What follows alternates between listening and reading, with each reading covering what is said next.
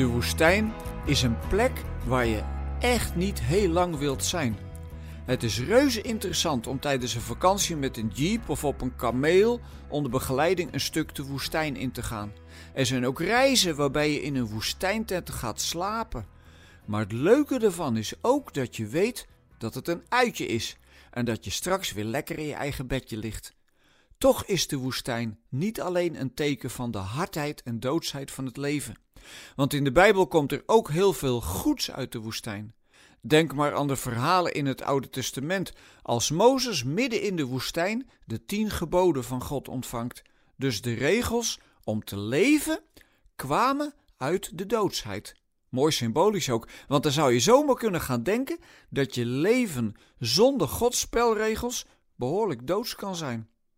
En dan Jezus. Hij kreeg een belangrijk deel van zijn opleiding, als we het zo mogen noemen, in de woestijn. Wie kent niet het verhaal van de beproeving in de woestijn door de duivel? Dat zou je eigenlijk kunnen zien als de ultieme training van Jezus voor zijn taak. Het gaat in dat verhaal over trouw blijven aan Gods weg. De duivel biedt hem van alles aan, als hij maar niet kiest voor zijn roeping als Messias. Ik denk dat wij wel wat herkennen van al die verleidingen om niet trouw te blijven aan Gods weg. Het is immers veel makkelijker leven.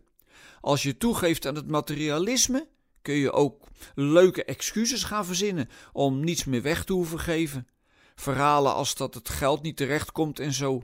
Als je kiest voor je ego, kun je jezelf trainen om onbewogen te blijven bij alles wat je om je heen ziet gebeuren aan verdriet en zo. Maar wat is nu precies trouw blijven aan Gods weg? Dat is niet dat je alle regels keurig houdt. De helft van die regels hebben we trouwens zelf bedacht. Trouw blijven aan Gods weg is dat je trouw blijft aan Zijn liefde. En die gaat boven alles uit. Ik ken mensen die de fout ingegaan zijn in hun huwelijk en daardoor nu door sommige broeders en zusters van hun eigen kerk genegeerd worden. Dat heeft toch niets meer met liefde te maken? En iemand negeren is eigenlijk een vorm van machtsuitoefening. Trouw blijven aan Gods weg doet de vader in de gelijkenis van de verloren zoon. Trouw blijven aan Gods weg deed Jezus toen hij begon met prediken en met delen hoe groot Gods liefde is.